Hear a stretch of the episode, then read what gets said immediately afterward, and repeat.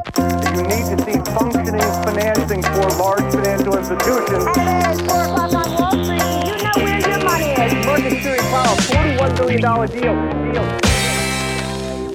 Då hörni är det dags för ett nytt avsnitt av The Monthly Back Traders. Ni är många som har saknat det och man kan också säga så här, tyvärr är sommaren över. Det vart ju inte jättemycket under sommaren och sen så blev jag pappa i augusti så att det har gått en liten tid. Vi har även sett september rinna genom fingrarna.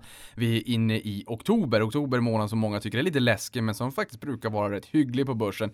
Så att jag säger bara som så här, som ni önskar att vi är tillbaka, varmt välkomna tillbaka, eh, relikerna, gubarna, eh, Per och Jesper. Kul att ha er här igen. Kul att vara här Niklas. Jättekul. Du ser nästan lite... Jag ska för- sitta still idag, så jag fokuserar på det. Men jag kan prata samtidigt. Ja. Jättekul att vara här. Gubbar och reliker. Ja men du, du Men ju, vem? Jag är reliken och du gubben. Eller, Ja, tvärtom. Ja men Jesper han vill ju bli arkeolog, jag menar, Ja, du, ja, du, ja, du ja. får ju sitta där som om du har ryggskott liksom, så får du tänka lite grann så att, så att du ser. Du kör ju friskvård när du poddar har jag lärt mig, har jag förstått. Jo, det gör han verkligen. Mm. Friskvård är bra. Men hörni, Ja. sommaren är över. Jaha, det var länge sedan. Vad gjorde ni i somras? Eh, var på landet. Hela ledigheten. Mm, du har ju lyxat till det. Vadå? Du är på långledig. Nej, du var inte långledig. Nej, Men det, här länge- var ovanligt jag, kort för, jag för såg mig. inte på länge. Det var Nej, men det var ovanligt kort sommar för Fast mig. å andra sidan, jag menar, du var ju ändå liksom och multitaskade lite grann, för du var ju Mm. både ledig och jobbade och du var nere Jo. i Båstad under fastighetsdagarna också. Vad Ja. var liksom, om, om vi börjar där, nu blir det lite spontant, vi svävar ut direkt, vi håller oss ju ändå aldrig till någon agenda, så, men vad var takeaways från, från de där dagarna? Ja, det var samma takeaway som jag haft. Eh, jag har varit här tror jag i fyra eller fem år. Och det är en omättlig optimism eh, bland fastighetsbolagen. Utan tvekan. Eh, inte ett mörkt moln på himlen om du lyssnar på eh, de som pratar. Det, väldigt många fastighetsbolag är där. De är väldigt optimistiska. Det är eh, fortfarande den perfekta eh, stormen i positiv bemärkelse för fastighetsbolagen med låga räntor och fortsatt stark konjunktur eh, för dem. Eh, nej, men det, det var superoptimistiskt och eh, svårt att hitta. Alltså de, ska man leta efter någonting negativt och nu, nu skrapar jag verkligen i botten av, då är det väl eh, eh kanske så att hyresintäkt tillväxten i intäkter kanske vi inte ska förvänta oss fullt så starkt som det har varit. Men det kanske har mer att göra med att jämförelsetalen är så svåra. Eh, jag pratar med en del eh, kreditanalytiker som har bankerna som kunder och de menar väl att ja, det är inte liksom det är klart det finns eh, hot mot sektorn. Det är, mm, total, det är ganska få bolag som står för stor del av tillgångarna och stor del av skulden och sådana här grejer. Så att det är klart att det är inte helt riskfritt på något sätt. Men, men fortfarande väldigt gynnsamma lägen för fastighetsbolagen och även nu när vi har gått in i hösten. Det var en viss skakning där i början av hösten när eh, vi såg den här spreaden mellan banker och fastigheter. Men den blev ju väldigt kortvarig. Jag, jag noterade ju att Pareto var ute och sänkte hela fastighetssektorn här för några veckor sedan och då fick vi ju en nedgång på Ja det var väl uppemot 5% på de Men de var flesta ute idag stora. Var de inte positiva idag? Ja, igår. Igår om det var i förrgår. Så man sänkte Ja. först här för, för några veckor sedan, kanske en månad sedan, tiden går ganska fort.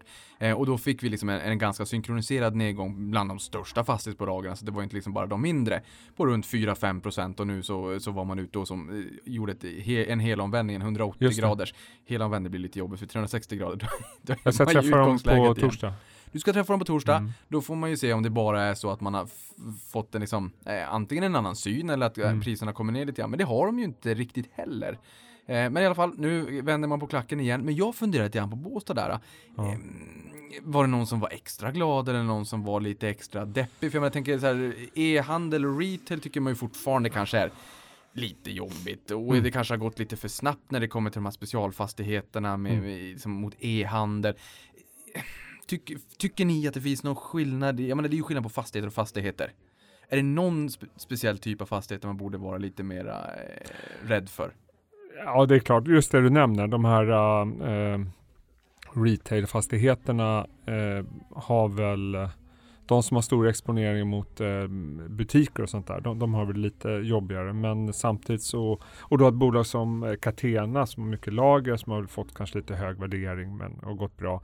Eh, personligen, eh, det är klart att det enkla svaret är var exponerad mot storstäder, Stockholm och så vidare. Det, det är ju den klassiska. Men jag gillar ju de regionala fastighetsbolagen. Jag tycker om de här eh, MP3, eh, Diös, Platser, Vilborgs som, som eh, har sin hemmamarknad. Jag, jag tycker på något sätt att det inger ett Ja, jag gillar dem, det inger förtroende, de kan sin marknad och så vidare. Allt Okej. bortom Stockholm, känner jag med Ja men missförstå mig Jo, men rätt, det- jag, jag men älskar Stock- Stockholm men det är väldigt crowded. Ja. Men, men Det är många där. jag känner mig ju lite orolig för de här äh, gamla shop- gallerierna liksom. Jag har ju Ja. själv sett Stinsens hela förfall liksom på något sätt. Ja. Var där för 15 år sedan när det var stort och de byggde ut och nu är det ju, ska det väl bli lägenheter tror jag. det. Eller vad det nu ska bli. Det är i alla fall något projekt. Nej, men- Eh, så där, men det är väl inte, eh, är det Ljungberggruppen som är där? Kanske? Ja, det kanske är. Ja, jag, jag vet inte. Ja. Och sen det, ute i Europa är det väl de här stora, någon fransk Ja, franska Unibail Rodamco Ja. är ju stora, men Atrium Ljungberg har ju mycket retailfastigheter, inte minst kanske i Sickla, men jag tänker mig att Eh, det, det kanske blir lite crowded där i mitten också, att antingen så får du vara en jätteliten nischad spelare eller så får den här stora giganten som kanske också är lite nischad, för Unibail Rodamco som P byggde ju eh, Mall of Scandinavia som numera heter Westfield Mall of Scandinavia, men det är Unibail Rodamco som äger dem. Och de äger de här enorma komplexen och då blir det liksom, det blir ju en destination. För jag tänker, som vi sa här, att eh, nu har vi ju sänkt eh, prognosen för tillväxten i Sverige från 1,3 till 1 i år, från 1,7 till 1 nästa år. Och, och många av de här retailfastigheterna, en del, en rätt hygglig del tror jag, jag vet inte exakt siffra, men en, en ändå en icke försumbar del av hyresintäkterna är ju kopplade mot eh, omsättningen, alltså omsättningsbaserad. Och det är klart att om, om vi av strukturella skäl, skäl rör oss mindre i den fysiska handeln och även av konjunkturella så kanske det blir lite jobbigt för dem. Så min fråga här, är liksom, när gick ni och handlade fysiskt om man så säger? Eh, off, när, när handlade ni offline senast och inte mat nu då? Jag gjorde det nyligen. Lyser upp som en sol. Nej, men faktiskt, för det är en bra... Jag, jag köpte skor Mm. och det vill jag gärna... Jag är lite så mellan två storlekar. Lite sådär sju och en halv ibland, åtta ibland, lite beroende på sådär modell och läst och så. Det vill jag gärna prova. Ja, jag måste fundera faktiskt. Så det, och det är ju bara... Mm, Ja, jag var uppe i dina hoods och köpte det faktiskt. Jag Ja. eh, spontant köpte en tröja som jag gick förbi en butik som jag tänkte den där tyckte jag var fin. Men den fick jag lämna tillbaka min fru tyckte den var avskyvärd. Eh, men eh, nej, jag, jag kan inte riktigt komma på när jag gjorde det. Jag tror jag, jag var ute och vandrade i somras. Då var jag inne en del där på Kungsgatan. Jag Köpte ihåg. du inte dina kängor? Jo. Så. Ja, de Jo, precis. Du. Ja, Ja, men de, de, vill köp, du också de, prova, de köper jag inte eh, Nej, ja, online. men det är ju lite som... För det var ju mer utrustning liksom. Eh, men annars, nej. Men de där k- kängorna som du köpte, Mm. eh, märket på de kängorna, var det liksom kängor som du kö- kan köpa på 50 olika ställen på nätet Nej. eller var det specialkängor som det är som från en leverantör, eh, tillverkare som har en, en fysisk butik man kan Eh, gå till för rådgivning? Jag, jag är en eh, amatör på området fjällvandra ska jag tillägga, så jag har inte så jättebra koll. Så jag provade massa olika kängor hos, vad, vad är de heter? Kungsgatan? vill- Vilsen stockholmare. Ja, Friluftsmagasinet. ja, precis. Nej, Phoenix. Outdoor. Ja, Ja, den men precis, Det, eh, det stämmer. De nära McDonalds där. Eh, så jag var- gick bara upp dit och ville ha experthjälp. Ja, men Eh, det, Och då är det svårt att köpa på nätet. då är det jättesvårt. Mm. Mina skor Mm. fanns faktiskt eh, 10-15% billigare på nätet. Men jag ville ändå också ha lite expert. Ja, men någon som kan då Du berätta vet, för. Oa Jag lite. visste inget. Jag har liksom inte gjort sånt här förut. Så att, Jag tycker att det här är liksom ett fenomenalt exempel. Jag har dragit just det här exemplet tidigare när det kommer just till Phoenix Outdoor, Konken, Fjällräven och allt vad det kan tänkas vara. För de har ju, de har ju sina produkter, de kan deras produkter, de har ett butiksnät, det är ganska litet nedslimmat, men de har det fortsatt. Du går in där, du får experthjälp, du kommer in som en vilsen stockholmare och känner hej, hej, hjälp mig, lite som den här kursen Hjälp, jag har en dator, fast hjälp, jag ska till Jämtland. Eh, och sen så fick du det du faktiskt behövde i slutändan och då får du kanske inte det här priskriget, för det är inte en produkt och ett varumärke som finns på 50 ställen. Mm. Utan du går dit och du får det du faktiskt behöver. Och det är ju ett kanske premiumsegment, men det är ju fortfarande ett nischat segment som fortfarande eh, finns för att stanna tror jag. Och det är kanske dit vi rör oss. För att har du en produkt som Lylan Scotts eh, skjorta som du vet hur, hur medium sitter. Då spelar det ingen roll om Nej. det är butik A eller B för du går alltid på den Nej. billigaste. Det, ja, det är oerhört svårt att skapa en stickiness som gör att du alltid kommer gå till en butik vars adress börjar med www. Ja, men det är väl vissa typer av klädesplagg kanske. Personligen så har jag nog aldrig köpt en kavaj på nätet. För den vill jag liksom ska sitta som en Ja, smäck. Men det är vissa grejer. Men när jag köpte en kavaj senast kan jag inte ens komma ihåg. Men nej. Men Det kanske är din fru som ska handla med tanke på det, den feedbacken du fick när du kom hem igen. Ja, med men det var, jag vet inte riktigt vad hon, ja, Hon, hon är som hon är. Men- Men, ja, Ja. ja, men det är bra. Men du då? Jag kommer inte riktigt ihåg, men alltså, det är inte jättelänge sedan, men, men det, det sker heller inte jätteofta. Ehm, Jag tror att... Inköpen, eller? Nej, inköpen sker men inte du jätteofta. köper väl ingenting? Ja, nu försöker jag ju, här, vi ska ju iväg på någon investerarresa här om en månad så jag försöker liksom träna in mig i, i mina kläder så att jag slipper byta ut garderoben. Men, men ibland händer det och det var något speciellt occasion. Jo, det var ett bröllop. Ett bröllop för en gammal kompis i Unga Aktiesparare och då kände jag att liksom, nu måste jag ju handla lite kläder så att jag Ja, kan jo. Så, men nej, inte jätteofta och inte jätteofta fysiskt, men jag är inte så bra på det digitala heller. E- E-handel när det kommer till elektronik, absolut. Då är det e-handel för, för hela slanten och gärna med Omni-kanal också så att jag klickar hem den här grejen hemma och så går jag ut i butiken och hämtar den när Mm. jag har tid. Men, men kläder är jag jättedålig på, på online faktiskt. Ja, jag ser det. Det var öppet. Det, det, det, det var öppet mål. öppet mål. Nej men du, jag gav ju, jag gav ju, det kanske är att du ger igen nu från i somras, för när du var och, och, skulle fjällvandra där, Mm. så hittade jag ju en fenomenal bild på dig, där, jag photoshoppade den här mössan med, med Djurgårdens IF. Ja, fruktansvärt oförlåt. Det är därför jag inte haft monthly backtrader på så länge. För att jag, jag tyckte det var ett eh, övergrepp. Men, men- men, men å andra sidan så kan man ju säga att jag är ju amatör på Photoshop, det är ju Mm, uppenbarligen. Adobe 72% av intäkterna repetitiva. Men, men, men jag tänker att så här, man såg ju knappt att jag hade bytt ut till AIK. Jag man, ser man, det direkt. Jag känner det i ryggmärgen. Nej, man hade ju kunnat tro att det var en AIK-mössa. Är du fortfarande arg för det? Ja, jag tycker inte man går in och kladdar och, på det där sättet och sätter jag vill inte ens nämna laget i namn som du satte på min mössa. Men, men nej, det var ingen kul. Det var, det var ett, eh, tungt, det var jobbigt. Nej, nu, nu vände jag ju på det. Det var ju AIK jag vände till Djurgården. Visst? Ja, det är klart jag hade en AIK-mössa från början. Vill, vill någon ha något annat? Men apropå, får jag bara säga någonting om fastigheter? Ja. För det var ju där vi började. Eh, två iakttagelser. Erik Selin var ju här, vad var det, i våras. Han sa att det var för många fastighetsbolag. Det är den ena. Eh, det kanske blir lite konsolidering i den här branschen. Vi kanske behöver fler större bolag. Eh, sen var det väl faktiskt så i våras var väl Castellum ute och pratade om att man såg en viss risk för avtagande hyresmarknader. Men sen backa, sen när Q2 kom så var man mer positiv igen. Det är de små signalerna man får leta efter. Men, men jag har svårt att se att Q3 kommer vara någon speciellt svagt för fastighetsbolag. Jag tror de kommer nog bara tugga på. Ja, men sen har vi Tror också, jag. Sen har väl Riksbanken också sagt att de ska höja räntan i slutet på året. Jag menar nu är det väl Tror jag vet inte om det är någon som tror på det. Jag vet inte ens om de Nej. tror själva på det nu. Nej. Och, jag menar, vi har ju fått sett nedrevideringar, vi har fått sett dålig Och konjunkturstatistik såg sen dess. bostadspriserna upp igen, såg vi igår. Mm. Eh, eh, tiden till avslut har gått ner igen så att Folk shoppar. folk shoppar boende. Eh, Jag tänker också, sommaren är ju, är ju som sagt över och Oh, det ja. vart en rätt bra sommar faktiskt. Även september som, som, vi har, som vi nu är förbi. Sommaren bjöd på, vet ni hur börsen utvecklades under sommaren? Ja. Ja. Ja, kommer någon ihåg hur? Alltså vad kom, räknas som sommaren då? sommaren räknas som Juni. första juni till sista augusti. Juni var jättestark. Mm, men vad, Det är ju upp 5 procent. Mm, ja men det är en bra gissning. 5,5. Mm, nu ökade du i efterhand här. Mm. Maj, då var vi ju ner i 9,88. Det var ju en bedrövlig Just det, det var det. majmånad. Eh, Men, men sommaren bjöd faktiskt på plus 4,4 procent. Så att den var Fem. rätt hygglig. Vad var det fram till vilket datum? Ja, det var från Sista första juni till sista augusti. Och då var ändå slutet av augusti ganska svagt va?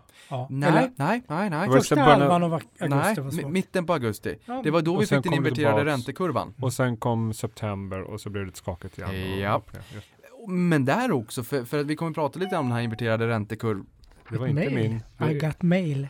Ja, det är någon som fick mail, men vi kommer att prata prata lite grann om den här inverterade räntekurvan som satte lite skräck i marknaden. Men det intressanta är, Mm. vet ni vilken månad på året som är historiskt sett den sämsta börsmånaden? Ja, det är inte oktober. September. det är inte oktober. September. Ja, det är september. Mm. Från 1990 så ligger det i Mm. snitt minus 1,96. Vet Mm. ni då vad september gav i år? Plus 3,6. 4,48. Bra gissning ändå, tycker jag. Så att- För alla pratar ju alltid om att oktober är skräckmånaden. Ja, och, och Men det, det stämmer ju inte riktigt. nej, Det är det media. inte. Nej, Det är nej. inte mediagrej. Eh, Ja, Ja, 87 kraschen Eller? och Ja, men Det är det typ. sånt man kommer ihåg. det är lite Stocktober. Men, Ja. men, och, och, och jag tänker så här också att nej, det, det var liksom eh, 19 oktober 1987. eh, Vi, vi fick liksom, eh, ja, ni kommer ihåg, jag kommer ju inte ihåg. Du är populär. Väldigt, ja, du är Du får- väldigt Det är populär. väldigt högt ljud också på den där. Vem är det du får med dig? Jag är lite nyfiken. Mm. Det är någon som väldigt dem? intensivt. Du kanske får läsa, läsa frågor? Kan det vara så? Nu har vi mutat dem. Men, men, men det, som hände 1987, det var ju liksom att då följde Dow Jones 508,32 punkter, var 23,6% ner, så det var ju en. Men- fenomenal nedgång. Men det var mycket tekniskt bakom det. Det var, det var, Väldigt tekniskt. det var jättemycket tekniskt bakom det, och det är väl kanske det... Oh, Kallar man inte flash crash? Ja. I, då, liksom, Ja, nu när man har första grå- dåtidens Ja. flash crash. Nu säger du någonting tekniskt. Vi ska prata IT-krasch och varför IT-kraschen inte var så jobbig. Men då tycker man det här med att ja, oktober är riktigt jobbig och det kanske har att göra med att oktober är en volatil månad. För när vi tittar på hur börsen har utvecklats från första till sista en månad så tittar vi bara på avkastningen. Vi Mm. tar ju inte det i och sätter det i relation till volatiliteten. Det borde man Oktober- göra. Det, du är helt rätt. Vilka är de volatilaste månaderna? Det vill jag veta. Det kanske är Och oktober i sånt fall, för Ja. det här är ju, för, för nu, nu är vi inne i en rapportmånad. Oktober, det kommer massa rapporter och det här har ni sagt tidigare, det kanske är nu man börjar justera ner estimaterna för nästkommande år. Det är kanske är det som gör att det blir en volatil månad. Ja.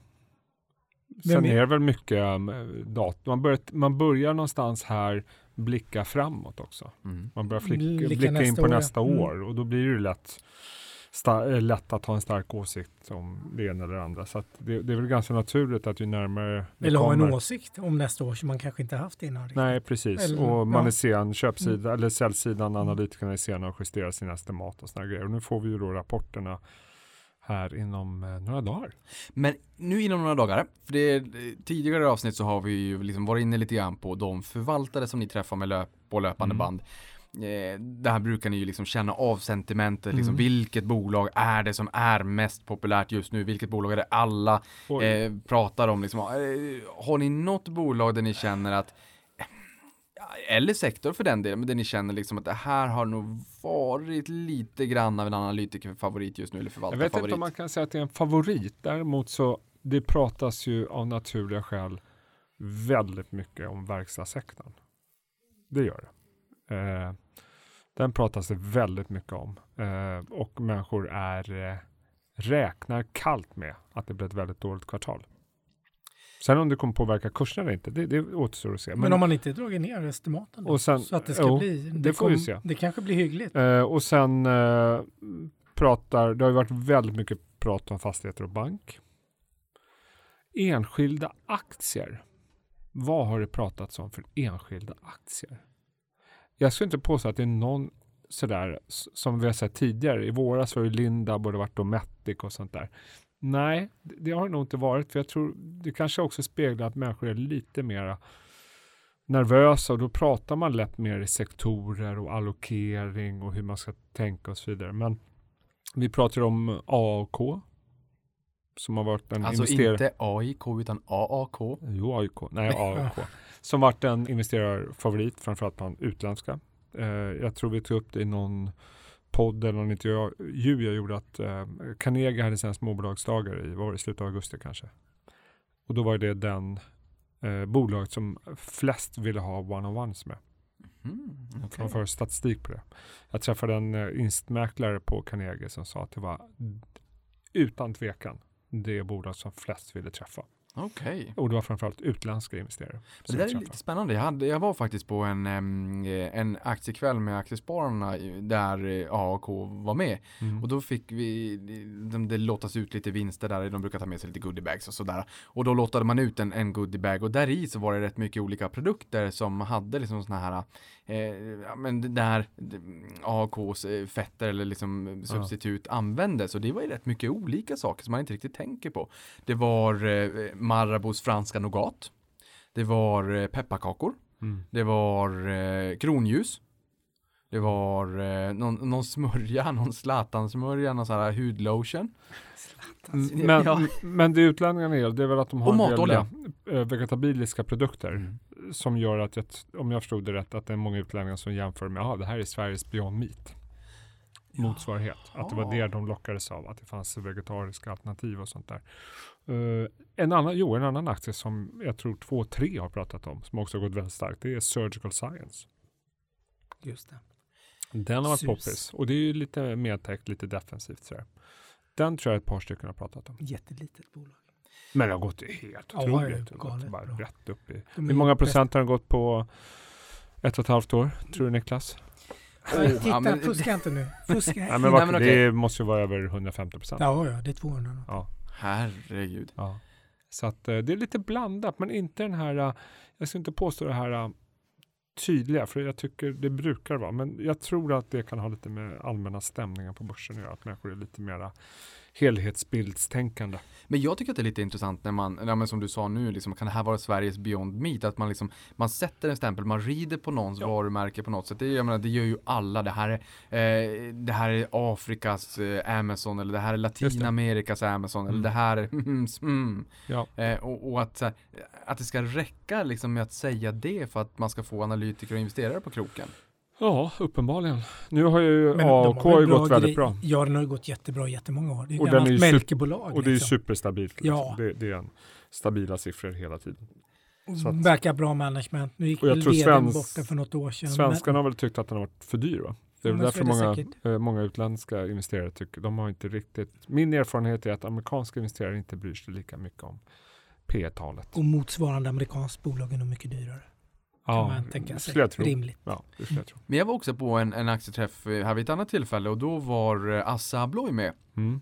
Och det är rätt intressant för de runt en tredjedel av deras omsättning kommer från produkter som inte fanns för tre år sedan så att de är ju verkligt innovationsdrivna men de sa någonting intressant som jag fastnade lite grann för och det var vi i Sverige kan lägga 300-400 kronor per per person på eh, säkerhet medan man i Kina lägger ungefär 3 kronor på, på dito. Och det är just de här mekaniska låsarna som går mera mot det digitala lås istället, liksom den omställningen. Jag, jag tänker själv installera en Yale Doorman, och jag, för i och med att grannen har det och de är polis och säkerhetschef och tycker så att det är jättebra grejer.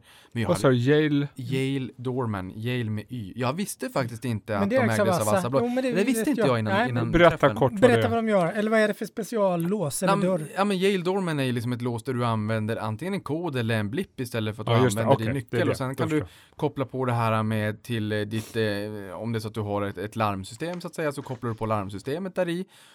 och har du en mobiltelefon så kan du koppla på så att du har en, en övervakningskamera hemma som tänds och börjar filma så fort någon obehörig kommer in så ser du det i telefonen, du får en pushnotis om någon går in.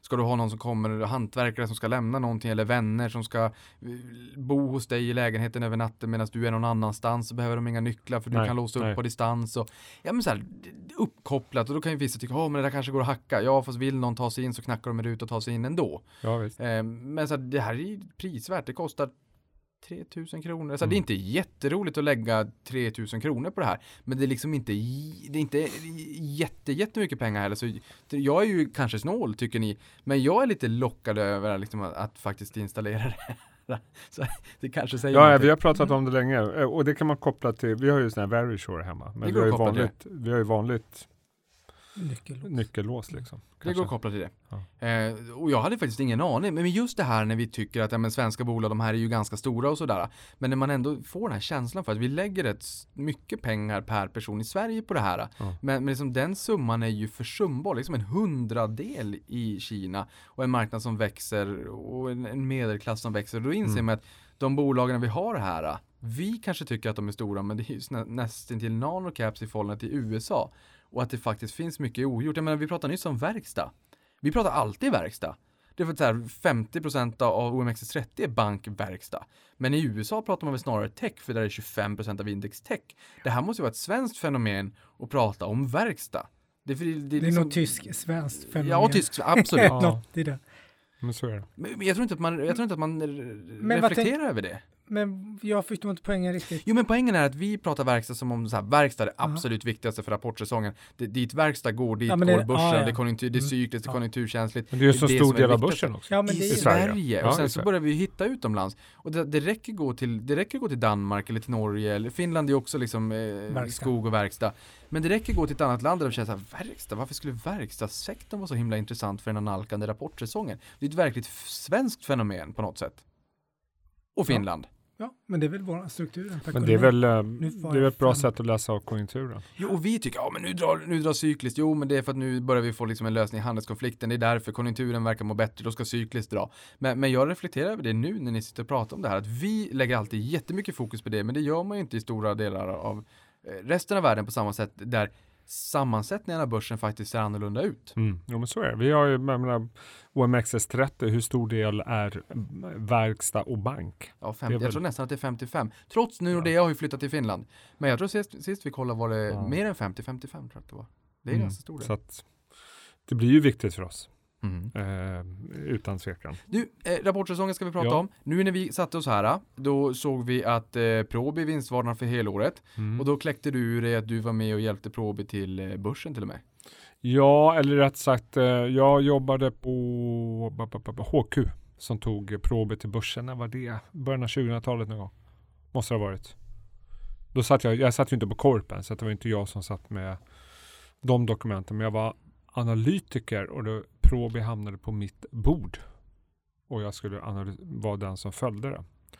Och det var, det var ju så tråkigt så att klockorna stannade Probi på den här tiden. Ska Ja. tillägga. Det, var ju, det var ju så tråkigt. Det var, hände ingenting med tillväxten och det var liksom, de hade ett avtal med Danone, franska Danone, som de var ganska inlåsta i. Det är stort. Eh, och sen röjde de runt och slängde ut det och så började de få nya avtal. och tog kursen fart, men det var nog efter min tid. Eh, men jag var med då när det kom till börsen och det var jättelitet, jättetråkigt. Men, men det här är ju ett bolag. Jag var faktiskt även med och när Biogaia kom till börsen. Då var jag på Aragon. så att probiotika har förföljt mig. Men alltså så här, probiotika, jag menar, Mm. det, det, det är ju bra för magen och vi har ju hört i, i media för en lekman så har man ju lärt sig om acidofilus och bifilus och allt kan tänkas Ja. och goda tarmbakterier och sådär. Eh, jag har också lärt mig att eh, i en kvadratcentimeter så ska det finnas typ 4-4,5 miljard bakterier. Så det är Okej. ju några stycken som, som bor där nere och inte betalar hyra. Mm. Men, men det jag tänker är att det är ju många som tycker att Probi är ett väldigt spännande kvalitativt bolag idag och när det kom till börsen tyckte du att det var supertråkigt. Mm. Eh, Har du koll på dem idag? Liksom, delar du den bilden att du tycker att det är ett kvalitativt bolag? Eller liksom, Eh, och jag har inte riktigt den kollen, men de gjorde ju många förändringar som gjorde att de blev mer försäljningsinriktade. Sen har väl hela begreppet och populariteten kring probiotika ökat i den här allmänna hälsoeuforin Mm. och trenden. Liksom. Sen, eh, det innebär ju samtidigt att konkurrensen ökar. Såklart. Eh, så att jag, jag har inte någon riktig jättekoll på de här borden. Min känsla är väl att Biogaia har väl, nu kommer säkert bli mördad av någon, alltid varit bättre på försäljning än vad Probi är. Medan Probi kanske varit lite bättre på forskning. Så var det förut. Det kanske inte är så nu.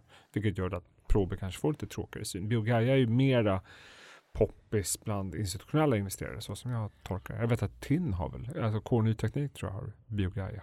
vill ni skälla på Jesper så är det ett Ja, ja, ekonomi det Jesper på kommer jag- Twitter. Kom gärna in och jag, jag kan ha missat någonting. Men, men det är klart att eh, probiotika i sig och förståelsen för det och intresset för det ökar väl hela tiden. Men det har man ju sett, det är ju flera aktörer som vill ha de typerna av produkter. Mm. Så Finns det någon efterfrågan?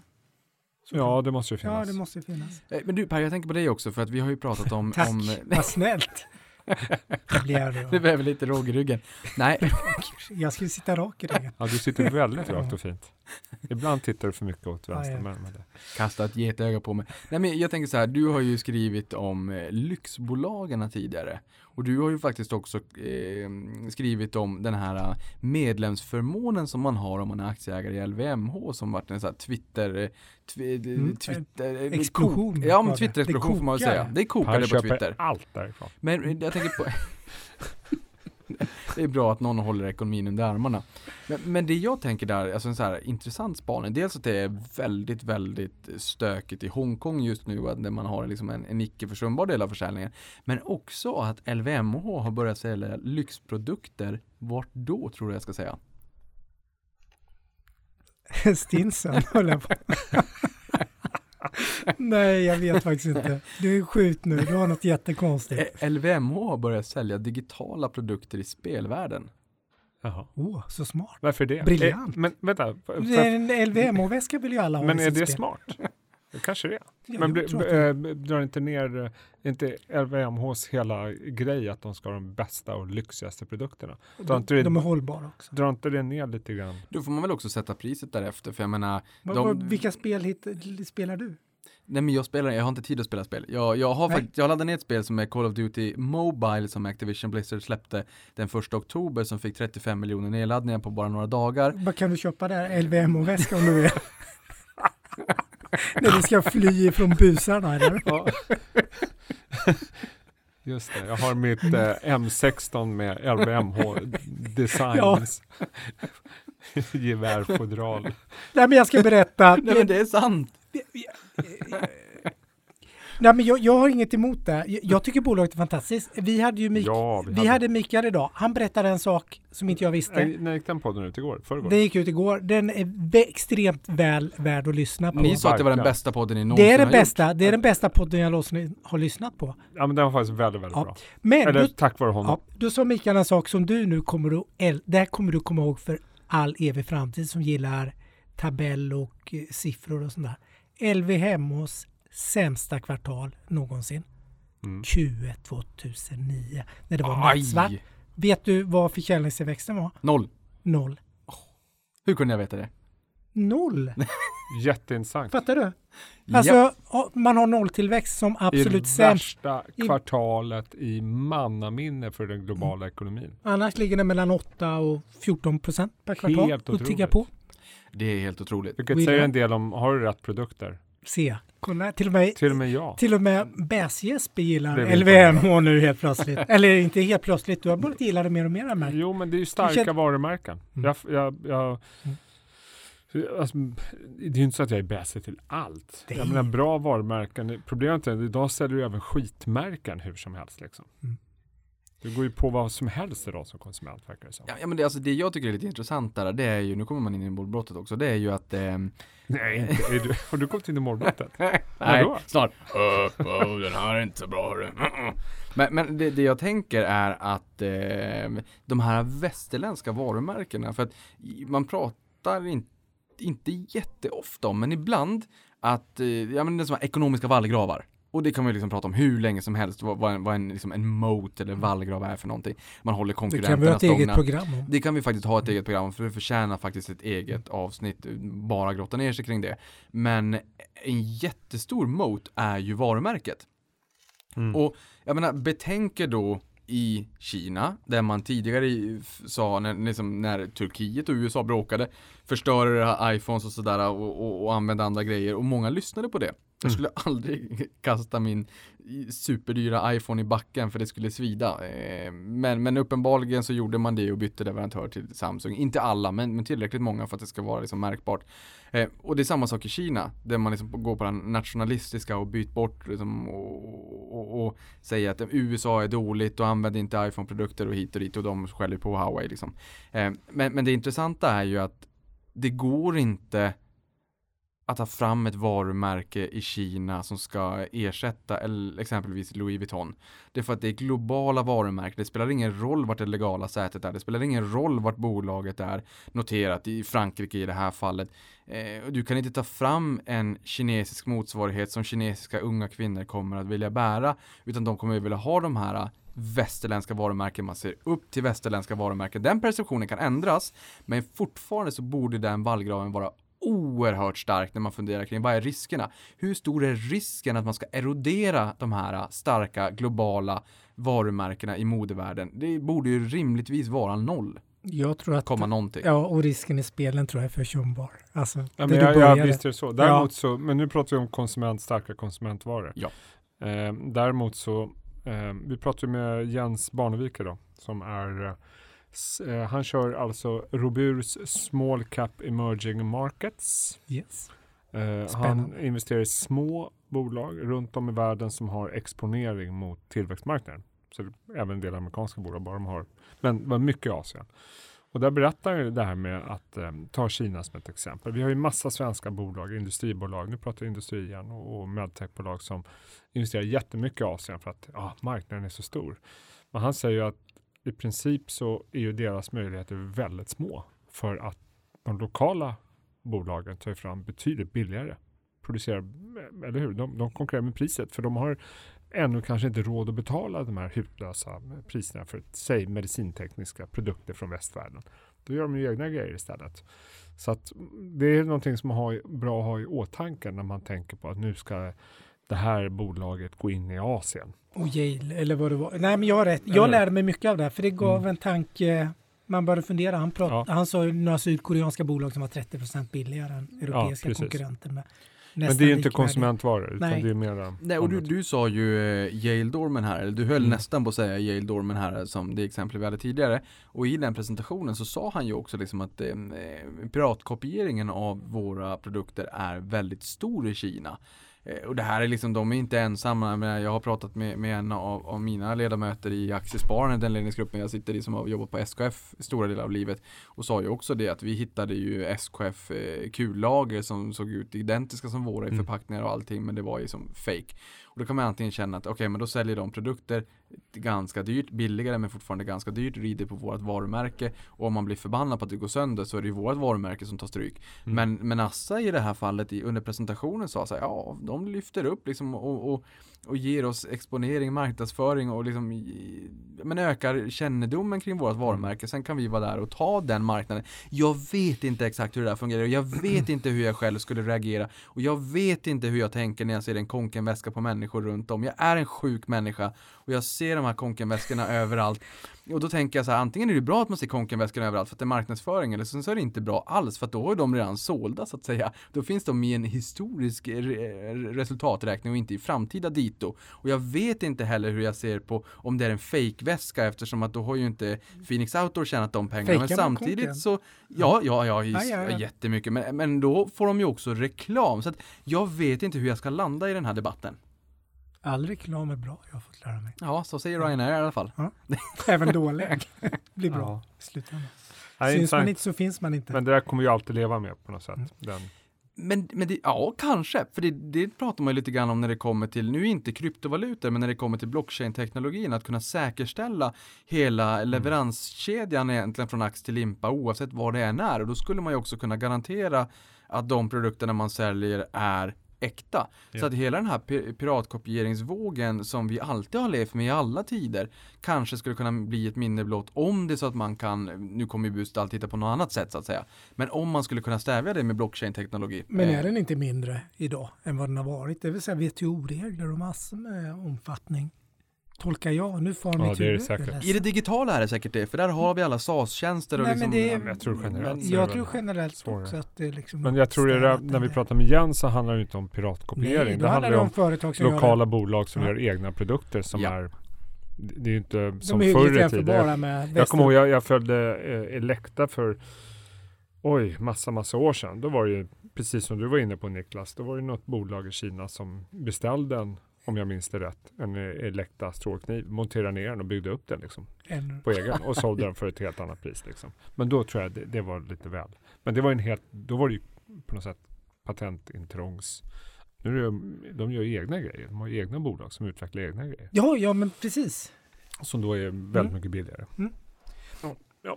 Men här funderar jag lite grann på Elekta, för jag sa ju här nyss också en sån här liten spaning som jag bara har, har haft eh, under sommaren. Mm. Det är ju att finanskrisen inte var så himla jobbig egentligen. Eh, jag satt och funderade lite grann. Finanskrisen? Ja, nej, IT-kraschen. Det är tänkte finanskrisen var finanskrisen var jättejobbig. Ja, den var ju svettig. Ja, den var väldigt svettig. Mm. Eh, då föll börsen eh, 58% under 473 dagar, ex utdelning. Eh, men, men många bolag föll ju 70, 80, 85, vissa föll närmare 90% så att den, den var riktigt blodig. Men under IT-kraschen, då var det ju lite grann av en, en, en sektorkrasch får man ju säga. Det var en sektorkrasch, var det inte det? Ja, det var en Och en sektorkrasch. värderings... Det är en värderingsbubbla och ingen vinst och massor med... Så att jag har stuckit ut näsan och sagt att eh, IT-kraschen inte var jobbig. Men den ledde till en lågkonjunktur. Eh, den, den, ja, men det var ingen, Men, det var eh, ingen nej. recession. Nej. Recession hade vi på 90-talet och Ja. eh, 2000... Ja, men det var ju en värderingskrasch i en sektor som hade blåsts upp. Ja. Men jag hävdar fortfarande att vi har väldigt mycket att tacka för de bolagen. Ja, Oh, precis! För ja, det låg ju så mycket... dag, allt, all Mm. tech vi använder idag. Ja, men de har ju Det är överlevt, många fantastiskt. bolag. Och, eh, Sen kanske det visar sig, som det alltid är med nya marknader, det är kanske inte just de som kommer på grejerna som ska som blir bli vinnarna. de som blir vinnarna. Nej. Nej, å andra sidan, så här, Netflix har ju varit en fenomenal resa från 2012 när det tog fart. Men jag menar, Vodler har väl gått i graven. Men det är som jag har sagt tidigare, Netflix kom ju in mitt i IT-kraschen. Japp. Då kom de in, för så sålde de ju CD-skivor på nätet va? Exakt. Nej, men, men alltså min, min take här lite grann det är att det framåtblickande P talet var 27 på toppen. Eh, vi hade Ericsson som stod för 48% av index. Ingen indexbaserad produkt skulle kunna replikera den vikten som Ericsson hade i index. Vi hade en del bolag som inte finns som har gått i graven förvisso. Men det var ju liksom en, en extrem eh, bubbla i dotcom-bolagen. Sen så hade vi, om, om man frågar en människa idag så här, var IT-kraschen jobbig? Så kommer de säga, ja men är du född igår eller? Eh, för att de kanske, kom, de kanske jobbade på ett dotcom-bolag, de kanske har fått personaloptioner där i. Eller så hade de en eller två aktier, antingen Ericsson eller Telia eller en kombination av de två. Det är fortfarande de mest ägda aktierna idag. Och idag har vi 3,9 aktier och varannan har en aktie, så vi har fortfarande fenomenalt dålig riskspridning. Men min poäng är att det var en sektorkrasch och det var eget kapital som rök. Det var ingen recession som på 90-talet och 2007 och 2008. Eh, en tredjedel av storbolagen gick upp ganska mycket. Och inte bara det. Jag eh, satt ju som analytiker under den här tiden och följde hälsovård. Mm. Och jag jobbade på Aragon, Mm. ko- fondkommission, finns inte kvar längre. Tänker Eh, på Arrax boll. Nej, det var, vi käkade ju säkert. Men, eh, och vi fokuserade ju på, huvudsakligen på två sektorer. Det var IT och hälsovård. Och så hade vi någon slatt som höll på med skog och sånt där. Men det var det vi gjorde. Ingen industri. Ja, men det var typ en temat. som körde. Men, men det var Ja, det vi, det var Ja, vårt ja, varumärke var liksom eh, IT och hälsovård. Det var och, hårt gearat mot... och vi var fyra inom hälsovård tror jag. Wow. Ibland mer med assistenter. Vi hade, nu överdriver jag lite grann, men, men vi hade i stort sett ingenting att göra under de här åren. För det var ingen som ville prata med oss. Jag generaliserar, men det är klart att någon ville prata med oss. Men Men nu pratar vi fram till kraschen. Ja, ja precis. Ja, ja. För det var ju hälsovård, var det, det var ju dödtråkig tillväxt. Det var ju inte där det hände. Det var inte där investerarna ville in. Medan våra IT-analytiker, de hade ju fullt upp och var glassiga möten och de tjänade pengar och vi satt där och hade ju dödtråkigt alltså. Det hände ju ingenting med den här sektorn då. Ingenting. Jag tycker att det säger ganska mycket. Och det, på Ja. Men sen om- då, 2002, Ja, då började det bli 2003, intressant. då måste ni ha varit heta igen. Eller Ja, du. men då tror jag vi hade tröttnat för länge sedan och gått vidare. Men- Men du sa att du följde ju Elekta. Mm. Ehm, har du någon känsla för hur Elekta gick under de här 947 dagarna som IT-kraschen Elekta är ett väldigt speciellt fall. Mm. Eftersom eh, vi pratade, pratade vi också med eh, mycket på KL om. Alltså, 500 miljoner Jag market tror, rätta sa. mig om jag har fel nu, du kan ju statistik, men jag tror att det var väl under slutet av 90-talet så hade ju eh, Elekta enorma problem. De hade vinstvarning, vinstvarning, vinstvarning, vinstvarning och det var massa mm, konstiga individer som jobbade i det där företaget och många spekulerade i att de skulle gå i förvärv. Eh, och de var väl nere på ett börsvärde på en halv miljard kanske, något sånt där, om inte mindre. Eh, och sen lyckades de göra rätt grejer. De avyttrade ett affärsområde för att förenkla. Och nu, vad är börsvärdet? ganska många miljarder. Så att det var speciellt för dem. Eh, Men så att de påverkades ju inte alls. De, de var väl ner under den här perioden. Ja, de, de, eh, under den här perioden, alltså från 7 mars 2000 till 10 oktober 2002, så var de upp 152 procent. Ja men det var precis när det Mm. vände. För, eh, de, de måste ha avyttrat det här, vad hette det, IGRT eller något sånt där. Om det var 99 kanske. Och då började siffrorna se bättre ut och då gick det väldigt snabbt. Så att den är lite svår att ha just den som en, en bas för att de kom från ingenting på något sätt. Nej, men, det- var det bolaget som gick allra bäst under den här Mm. perioden. Då kan det, det kommer ju alltid finnas skäl till varför någon sticker ut på, på uppsidan. Så det, Det, var ju, klassiskt turnaround. Ja, så det får man ju justera Bolag. lite grann för. Men det är ganska många bolag som var upp ganska mycket. Jag tror, jag tror en, en tredjedel av storbolagen som, är, eh, som ligger på storbolagslistan idag förvisso eh, var upp mellan allt ifrån ett, eh, några Mm. procent, 4, 5, 6, 7 procent upp till 150 procent. Då. Swedish Match var upp 100, Peab var upp 50, rätt mycket byggbolag var upp rätt mycket. Så, att det, så här, det, det var inte alls den breda nedgången som man får känslan för när man tänker tillbaka på den här perioden. Men, och precis, de uppgångarna var lite dolda. För just det, det vi pratade mycket om. När jag, eh, jag kör, gjorde en köpanalys på Elekta 99. Alla hatar bolaget. Alla hatade bolaget. Eh, och vi gjorde en sån här klassisk analys, fundamental analys, tjock som en bibel. Vi fick inga investerarmöten. Den var liksom världens sämsta aktie. Vi fick inga, för det var ingen som ville prata Elekta. Liksom.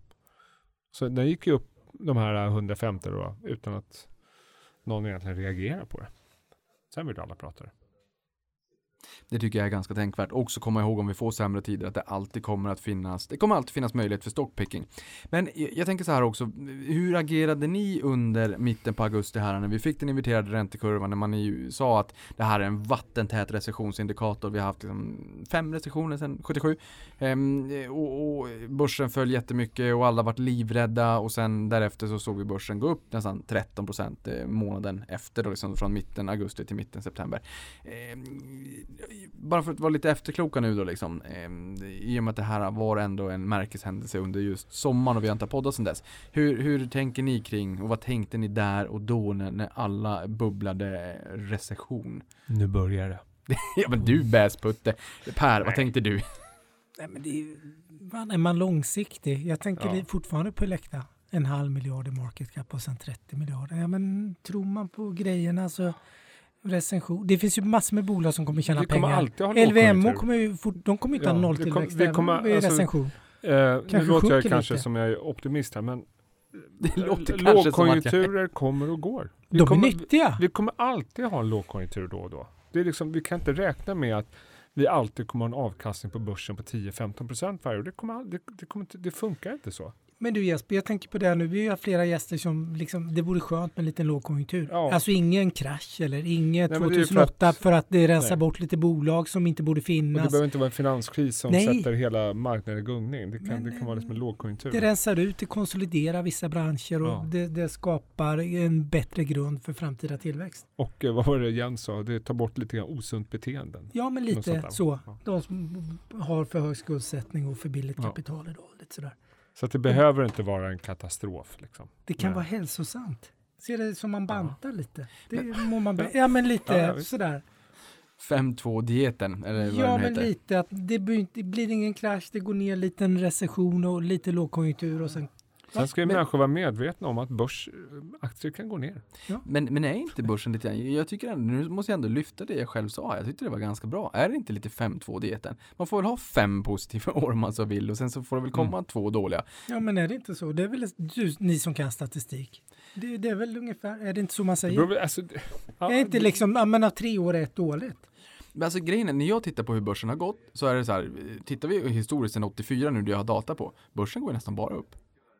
Alltså de åren där börsen har gått ner, det har ju varit specifika år. Jag menar börsen gick ner 2000, 2001, 2002, men det var ju IT-kraschen. Sen gick börsen ner 2007, 2008, finanskrisen. Den gick ner 2011, 2012 när vi hade en recession har, har du koll på Japan? Hur har den gått de senaste 20 åren? Eller säg från 95 till 2010 eller sånt där. Så här.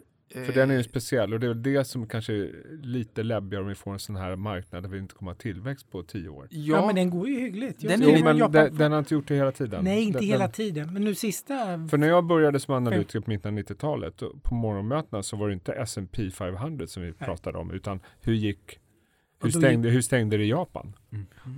det var ju blir ändå jättemycket. intressant. Ja, men den ändå- gick ner från 40 000 till 7 000. Och sen slutade människor prata om Japan. Mm. Nej men så här, det jag tycker är lite intressant, för nu, nu har jag börjat liksom, eh, läsa en, en gammal dänga igen från Peter Lynch eh, i bokhyllan, jag tänkte att när jag tar upp den där igen. Och, och då fastnade jag för någonting den här gången som jag inte tänkte på förra gången och det var när han pratade om just eh, Japan. För menar, vi vet att Japan har slumrat i typ 20 år och att vi nu liksom sitter och funderar på vad kan Abenomics leda till och sådär. Men eh, jag tror att det var 50-60-tal, ja det var way back i alla fall, där USA gick upp två gånger på, jag tror att det var två årtionden, och, och, och innan då 80-talet när den här sega perioden för Japan började. Och då sa han, då gick Japan upp 16 gånger. Så, så att, det- Det var då de åkte runt och köpte bolag i hela världen. ja, det var sån det. absurd skillnad. Amerikanerna det- var ju livrädda för Ja. japanerna liksom. För att de kom och köpte upp Det, allt. det var ju egentligen det här Kina-skräcken man har lite nu, Ja. känner jag att det var på Ja, bland men de skulle köpa USA. varenda bolag. Ja men de köpte, jag, kom, Mm. jag var ju på någon golfbana, den hade de jättefin golfbana. Ja. Ah, men den har japanerna köpt liksom. Det var ju sådär Ja. skräck, eh, lite De skräck. tog över allt. De Ja. Stormakten liksom. Och det är ingen stormakt. Jag undrar om Kina går samma väg sen. Upp och sen, mm. Har, vad ni, vet jag? har ni gjort några investeringar sen vi träffades sist då? Ja, det, det vet ju du, höll jag på att säga vad jag har gjort. Vad Jag, har du gjort? ja, men jag vet, kommer jag ju nästan glömt bort det. Jo, jag har ju köpt de här Vostokbolagen.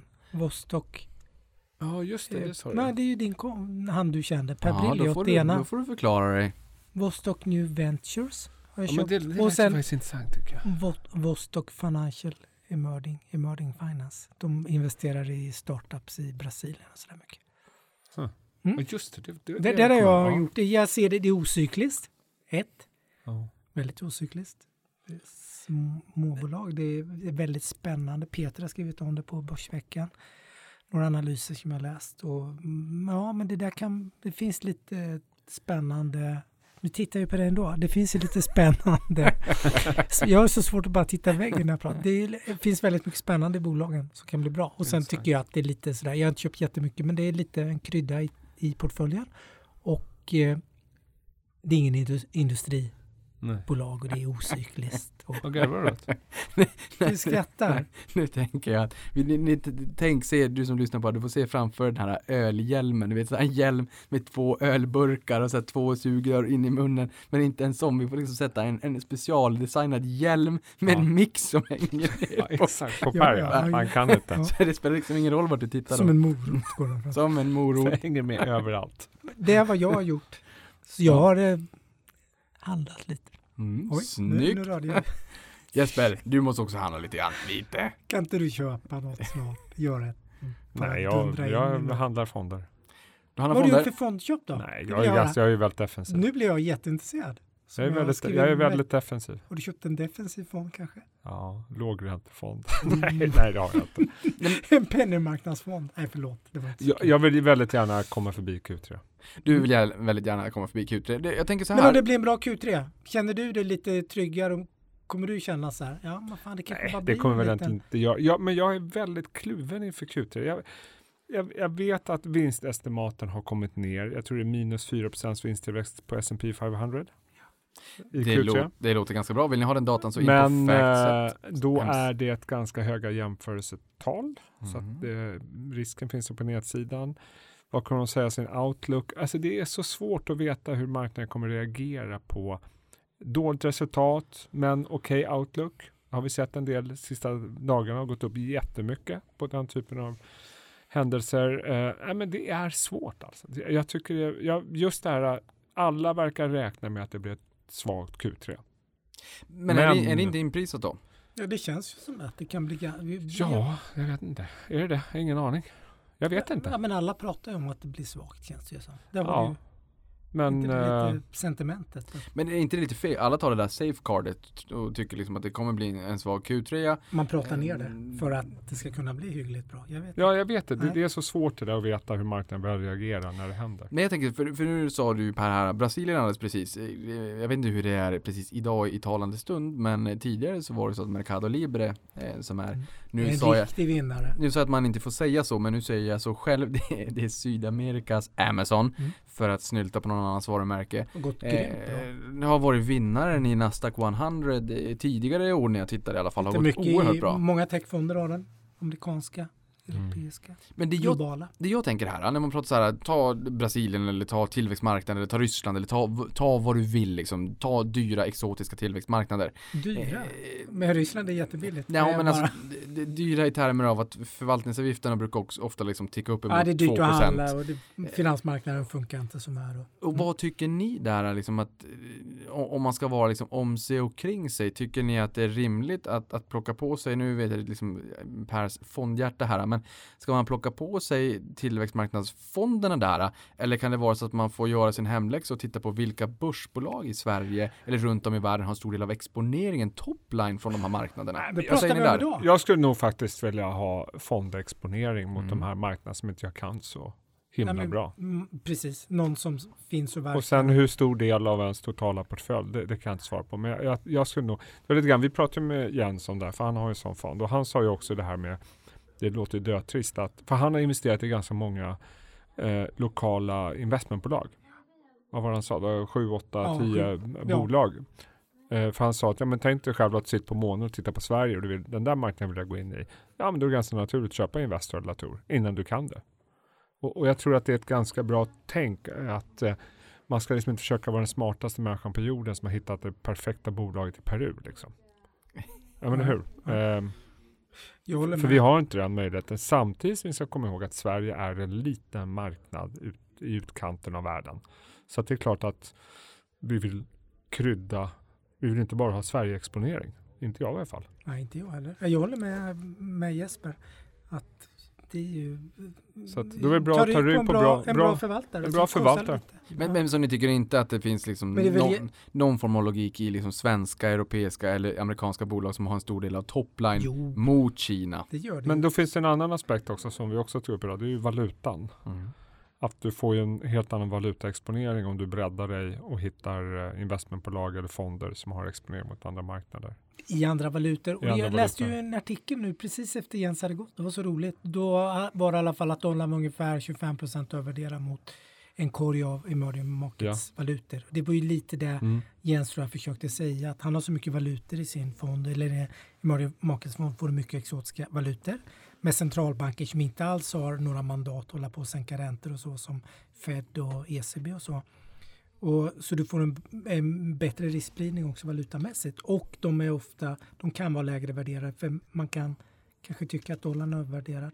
Kronan är sannolikt inte så övervärderad men Men det får du i börsbolagen också, för du har ju indirekt har de ju försäljning på marknaden och re redovisningsvaluta svenska kronor. Sen Mm. så är ju valutafluktuationer i lågkvalitativ intjäning på, på risken till att det inte är värt någonting, den här skumkronan på ölen liksom. är det verkligen det? Handlar inte folk upp eh, svenska industribolag när kronan Jo, men det är väl kanske för att det- man får sälja lite mera. När kronan är svag så får man sälja mera. Men alltså att om man gör Men en, hur, vad säger, hur som helst, jag menar, Det är om, riskspridning. om, jag- som- om jag är intresserad av, eh, säg Peru, bara för att ta det exemplet. För han hade han har en sagt Peru två gånger, det är Jo, men det är för att vi Peru. pratar, han hade en aktie i Peru. Ja. Han hade han, jag kommer inte ihåg vilken det var faktiskt, men skitsamma. Man får lyssna på det Eh, avsnittet då. om man- Men eh, då känns det som att jag, ja, men jag, jag tror jag hellre vill ha exponering mot en förvaltare som har liksom ett större universum än att jag hittar ett bolag i Sverige som har 2 av sin Jo, försäljning Atlas i har Peru. 2 liksom. procent där liksom. Och Ja, det kanske det inte... spelar Nej, liksom jag, inte, för den kommer aldrig värderas på det, på den lilla innehavet. nej, du är helt rätt. Jag tror den värderingen får man aldrig. Du får aldrig den eh, via ett bolag. Om ni, ja. Nej. Sen är det klart om Atlas bestämmer sig för att nu ska vi gå all in i Peru och det ska bli 90% av vår marknad. Men då kommer värderingen bli annorlunda också. Sen har vi ju en sån här liten rolig spaning också för de bolagen som har Sweden i sitt namn. Där har vi ju Sweden Care som håller på med liksom det husdjurstrenden. Ja. Där får man inte bli lurad för det är 4% av topline från Sverige. Så de, har, Mm. de har Men 96%. det är. I- Från Peru eller? Ja. Har de? Eh, Nej. Nej. jag vet- inte riktigt om de är så starka i Peru. Då får Vad- man köra den där Vad har du fonden mer på istället. agendan? Mer på agendan innan vi måste springa. När Det- måste vi springa? Eh, om eh, 15 Det är jag- minuter Eller jag ska Per springa. Cykla. Ja, du måste cykla. Ska cyklister måste vi prata om någon gång. Men då tänker jag så här, stålbadet inom konfektion är ju fortsatt alltjämt spännande. Vi har Mellby Gård som har köpt ut eh, Kappahl från börsen nu på 20 spänn. En kurs den stod på i januari, dippade till 12-13, nu budet 20, de köper ut en tvångsinlöser. R&B kom med vinstvarning, goodwill-nedskrivning, nyemission på 85 miljoner, MQ kom med svag rapport, H&M kom med en starkare rapport. Min, min Dores envishet liksom simmar sig igenom den här tråkiga, jobbiga tiden. Men hur ser ni på konfektion? Nu, bör, nu pratar man liksom om, om att det är en definitiv vändning för H&M. Aktien vände för 563 dagar sedan. Men nu pratar man liksom definitiv vändning för dem. Har ni någon, liksom, någon känsla för det här eviga Vad är den definitiva vändningen för någonting? Ja, Ja, men den defin- definitiva vändningen är ju att eh, försäljningen börjar, börjar tillta, att marginalerna har börjat vända, att online, där kommer hur in- stor del är online och H&M? jätte, jätteliten andel. Men de Mm. säger att det ska växa runt 25%. Det Mm. kom in på runt 30% tillväxt nu senast. Så att om bara några år så kommer online vara en icke försumbar, en ganska Mm. stor del av H&M om det fortsätter. Men min fundering är liksom, har eventen och konfektion? För det har ju varit ett blodbad. Men de andra Pratar vi Vi, generellt vi, handlar, Eller- vi handlar ju inte där, så vi stödjer ju inte dem. Eh, Alltså i, i något av klädbolagen pratar jag om nu. Vi, vi är inte så duktiga på det där har vi ju. LVM kommer fram till. handlar vi, har vi lärt oss. Nej, jag, men jag skämt. kan inte säga att jag är hyperhåsad till det- heller. Men har det vänt? Det har vänt. Det Men har varit- vänt? Ja, men- finansiellt har det vänt, det är nummer ett, det är första bocken. Men Nummer- pratar vi om H&M eller? Eller H&M, pratar vi om ja. allt eller inget? Nej, nej, vi, vi pratar H&M därför att R&B är ju kollaps, det är tvärdött. MQ har det jättejobbigt. Kappahl försvinner från börsen, de har haft det Men jättejobbigt. är vi inte tillbaka till varumärken här lite grann? Jag menar H&M som har haft sina problem och de var sena in på online och, och så vidare. Men det finns ju ett väldigt starkt varumärke. Jag menar, det är ju inte någon utanför de här gränserna som vet vad MQ är. Liksom. Nej. Har inte de bara andras varumärken? Jo, Nej, nej, nej, de har ja, mix. de har, de har mix. mix. Ja, mix, ja, ja. Men jag menar Ja, de har- RMB, ja. vem i New York vet vad det är för något? Jag, menar, jag tror att H&M har ju ett väldigt starkt varumärke som de alltid kommer kunna leva på, tänker jag. Sen att det kommer gå upp och ner, och sen får vi se e-handeln, jag vet inte. Och sen har de väl relativt billiga produkter också. Jag har inte handlat på H&M sen man beställde hem sådana här kartonger på Ja, men 80-talet. jag köper handskar läderhandskar. det? De är prisvärda. Men jag tänker på att de är ändå lite, är, de inte, är inte det här leta marknadsledare? Jo, de har ett starkt varumärke. på sitt segment. Och de har eh, tid och råd att vänta ut dåliga tider som de var inne i.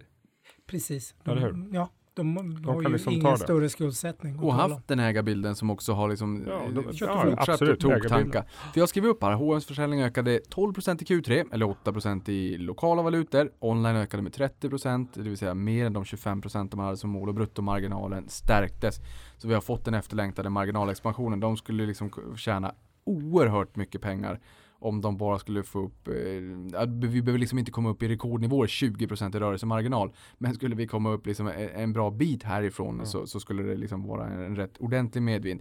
Nettobutikerna minskar, alltså nyöppningen av nettobutiken minskar i förhållande till vad man sagt Men det tidigare. gillar väl marknaden? Mm. Det gillar nog marknaden. Och citat här säger Carl-Johan Persson då, fortsatt ökad fullprisförsäljning och minskade prisnedsättningar bidrog till att rörelseresultatet ökade med 26% i Q3 samtidigt som den höga aktivitetsnivån i förändringsarbetet fortsatte. Man pratar om att man fokuserar på online Men ännu du, mer. Jag Ja. tänker på en helt annan sak som vi har ju pratat mycket om nu sista. Det är ju de här bolag som är ratade. H&M har ju varit ganska ratade och hittar den inte i många... Missförstådda, ja, det var ratade bolag. missförstått under... Getinge. Ratade Ratos.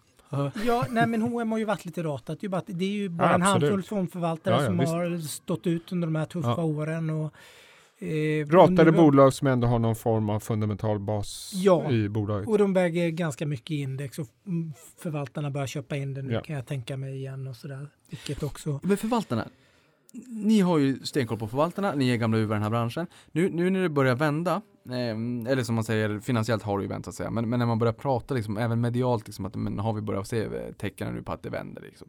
Vågar man som förvaltare då stå utanför, undervikta H&M eller kan det bli som tekniska effekter också av att man inte riktigt vågar ha kvar sin undervikt och att det också kan agera lite stödjande? Det, det finns ju alltid en gruppmentalitet i allting. Men vadå, vi har ju pratat med folk här nyligen som har kortat H&M och sånt där. Så att, men, men det är klart att när det väger så tungt i index också så får det en effekt bara på Ja. det. Men jag tänkte här, för den här tröjan som du köpte, den fick du ju gå tillbaka med svansen mellan benen för att det liksom, du, du fick, inte det sanktionerat Den hemifrån. var ganska ful faktiskt. Men det var billigt. Men, men, kanske det inte heller var. men det Nej, jag tänker Det där, kändes bra då. Ja, hade det varit Zalando, då hade det varit lag, lagstadgad två veckors returrätt om du hade bott i Tyskland. Men i det här, det gör du ju inte, men, men i, det här, i det här fallet så returnerade du den till butiken. Ja. Borde det inte också vara så att vi har pratat jättemycket om the death of retail, eh, brick and mortar och allt vad det är. Eh, eh, det borde ju någonstans vara dels att man har prime locations, inte jättemånga, inte för många butiker, men för, för, ibland får ju folk extremt åh de kommer öppna butiker, det är ju bra. För butiker säljer ju, men det ska ju vara rätt butiker i rätt lägen som har rätt lönsamhet. Men att istället för att skicka tillbaka returer med fri frakt till Zalando så går du till en butik och skickar tillbaka som ändå har ett lager i cityläge. Det borde inte det vara ett cost advantage tänker jag liksom att de inte Att jag borde få mer pengar tillbaka än vad jag betalade för tröjan eller? Nej, men att det för bolaget är en konkurrensfördel att du, kan, att du väljer att lämna tillbaka i den fysiska butiken istället för att betala frakten. Jag ska helt jag, vet att du eh, vänder på varenda krona Niklas, men jag ska helt e- villigt erkänna att du har en poäng här. För att Plötsligt jag, jag, jag kan faktiskt erkänna att jag vid ett par tillfällen när jag beställt något på nätet som inte varit bra har struntat i att returnera det. för jobbet. För att det är liksom, jag, jag pallade inte just då. Men en butik, är, går förbi den till och från jobbet, det är bara, det är klart. Så att det ska jag erkänna, men jag är ju inte lika sparsam som du är. Närhandlat har ju sina fördelar uppenbarligen. Ja. Nej men jag tänker nu, Clas Olsson, de öppnar på Karlaplan. Det är ganska nära, ganska nära mig. Då känner jag så här att eh, Det är Clas Olsson har haft det, Det- jätte, det är ganska nära dig också. Clas Olsson har haft det om vi vill jättejobbigt. ha sånt på Östermalm? På, på, eh, på Lidingö har vi fått Lidl. Och det gillar ju du. Det har vi pratat om. Det var ju du som initierade fan, frågan. den är inte bra Niklas. Det är fast partners. Fast Ja, men det, det finns ju den där på Västmantorg, Lidl. Nu blev det stämning inte Lidl. Den är, ju- den är inte bra alltså. Eller? Men Nej, strunt det, samma. Nej, men, nej, men det, det, det är du lite... kan säkert hitta billiga nötter eller någonting. Det, är li- det är lite... Det hade kunnat vara ett bättre utbud. Eh, Men, men Karl Lantz, vår kollega här, han säger ju att 30% av det som man hittar på Lidl numera faktiskt kommer från svenska leverantörer. Så att det är ju mer än vad det var en gång i tiden. Men, men det jag tänker här... Det är lite dålig stämning. Ja, men, men har du handlat där då nu? Nej, men jag, jag, nej, nej, nej, men jag har handlat där en gång för att jag, eller två gånger tror jag. Jag ville se hur, hur det var. Alltså man ville in där när de öppnar och se hur mycket människor är det, hur mycket bubblare. De tog inte Amex, det tyckte jag var lite jobbigt, jag vill ha mina poäng. Nu, har, nu var det någon som skrev, nu var det en som skrev till mig här som har lyssnat på podden när jag, när jag kommenterade det att men nu har de börjat ta det, så nu tar de faktiskt det. Okej. Det är lite jobbigt för dem för då sänks, det, sänks marginalen lite grann för de är lite dyrare än andra kort sådär. Men, ja, men det funkar rätt bra och det ökar konkurrensen för att det ligger en Coop-butik vägg i vägg som har dragit på en jättestor, ja men det är så det är läge. Ni kommer ihåg Kotler i, på, på universitetet? Pris, plats, eh, påverkan och pri, pris, plats, produkt och påverkan. Jo, Och, och, och, och, har man liksom en butik 50 meter bort då favoriserar man den fast Coop är bedrövligt dyra. Men nu har de vaknat. Eh, Men det jag tänker, eh, det är spännande, vi får ta, ta upp det framåt Fick och du inte massa Twitterfrågor? Nej. Ska vi inte ta dem innan vi... Jo, Banker var det någon som frågade om. Men då, då, har vi, då gör vi så här, vi drar eh, Twitterfrågorna eh, ganska snabbt så att Per hinner, hinner Cykla. cykla. Och korta men, svar. Och korta svar. Vi börjar med den första och då har vi att välja Lycka som skriver Vad gör man, ni, om bolagets IR inte svarat på mejlfrågor, alltså Investor Relations eller Frågar investerarrelationer? vi före detta Det analytikern. var ju länge sedan eh, jag hade den kontakten. Eh, då gör man det klassiska knepet. Man använder det som kallas telefon och ringer i er. Bra. Men det var ju lite. Jag var ju analytiker. Det var ju deras skyldighet på något sätt att ha kontakt med oss. Men eh, Ja, men eh, jag tycker att eh, ring, ring. För guds skull. Men lite dåligt att man inte svarar på mejlen. jättedåligt. Sälj aktien då. Ja, men det är Agera. klart att IR har en viktig funktion. Och eh, sen vet jag att en del IR, eh, framförallt i bolag som är väldigt populära för stunden, får ohyggligt många mejl. Och, och det kan nog vara svårt. Men, Men det går ju att skriva bara något kort. ja, visst, kort, ja det, och det är allmänt hyfs att man gör det tycker jag. Ja. Petter Cederbrink skriver Fastighetsbolag, kan de fortsätta stiga? Och sen frågan också om börsen är billig eller dyr. Det vet vi vad Per säger och vi vet vad Jesper säger. Kommande rapportperiod. Fastighet, Bettingbolag har fastigheter har vi ju eh, pratat om. Mm, bettingbolag. Eh, fastigheter kan nog fortsätta upp tror jag med tanke på det läget och de sektorrotationer vi ser. Fast Riksbanken ska höja räntan. Ja, det kommer de inte göra. Men Nej, bettingbolagen, ja, de är ju verkligen out of fashion. Eh, många av dem är lågt värderade. Men vi, jag, jag tror liksom att, jag vet att det var någon som sa att vi inte skulle prata hållbarhet och eh, jag ska fullfölja det. Men jag tror att de har tagit mycket stryk på grund av att det är väldigt många fonder som eh, stänger ut det. Rätt eller fel, Ja. men det, det Nej, jag håller sker. med dig. Det sker. Till 100 procent. Ja, det är ju bara... Mm. Och sen har vi en fråga här också. Bästa sättet att ge ledningen incitament? Option, aktier, vanlig cashbonus. Vad ger ledningen bäst fokus på företagets bästa i det långa loppet? Alltså som gynnar alla intressenter då. Är en fråga från compoundaren. Så- Mm, compounding interest. För det första, oavsett om man ger incitament i form av aktier, optioner eller bonusar eller vad det är för någonting, så det viktigaste är ju att de har ett system som är tydligt och transparent och bygger på rätt eh, incitament. Eh, det är det viktigaste tycker jag. Att Och det är väldigt, väldigt tydliga och långsiktiga långsiktiga, mål. Inte att, sådär att, en... Nej, det, det är det viktigaste. Sen om det är liksom i form av aktier eller bonusar spelar egentligen inte så stor roll. Sen vet jag ju på många eh, ställen då, inte minst i finansbranschen har ju det ändrats totalt. Där, förr i tiden när jag jobbade, nu fick inte jag så mycket. eh, Men du fick cash i hand. Då var det ju verkligen cash i hand en gång per år. Så funkar det inte på de flesta ställen. Utan eh, säg att du får en bonus på 100 kronor för att göra det enkelt. Då, då är det liksom, ja, hälften får du aktier, hälften får du cash och dessutom ska båda delarna fördelas över x antal år. Just det. Och är du fondförvaltare får du det ofta i andelar i fonden. Ja, så att kan det, du- det är, du får, där får du både aktier och cash dessutom fördelat över många år. Det är ett sätt att hålla dig kvar i firman. För säger du upp det så blir du givetvis av med det där. Sen kanske den nya arbetsgivaren betalar ändå. Mm.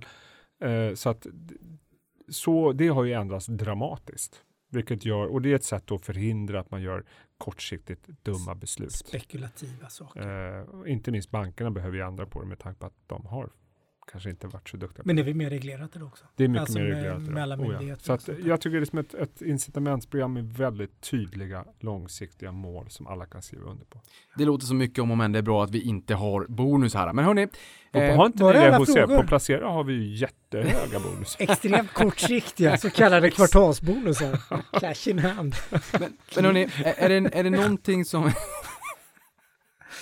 är det någonting som Hade vi har du ingen mer fråga nu då? Ja, men, nej, men det är... Men de andra har svarat på. Ludvig banker- Nilsson har, frågar vad anser ni om de kommande Q3-rapporterna för Ja, har storbankerna och det har vi varit in på. Har Men, vi varit inne på bankerna? eh, Ja, vi har varit in lite på bankerna och, och, och Riksbankens eventuella räntehöjning. Men eh, må väl, Riskbanker. jag kanske har fel här. Vi, vi kan prata lite om, om storbankerna och sen säger han, vad tror ni om nischbankerna, nischbankernas framtid? Klarna, Collector, Qliro, Klarna är ju inte börsnoterat. Nischbankerna får man, de gruppas ju ofta ihop som en enda stor massa, lite grann som hälsovård, fast eh, man måste ju dela på dem lite grann. Jag, jag tror det kommer inom vissa delar av nischbank kommer nog komma ganska mycket regleringar framöver. Jag tänker på den här Ja, det en- enkla sms-lån och så vidare.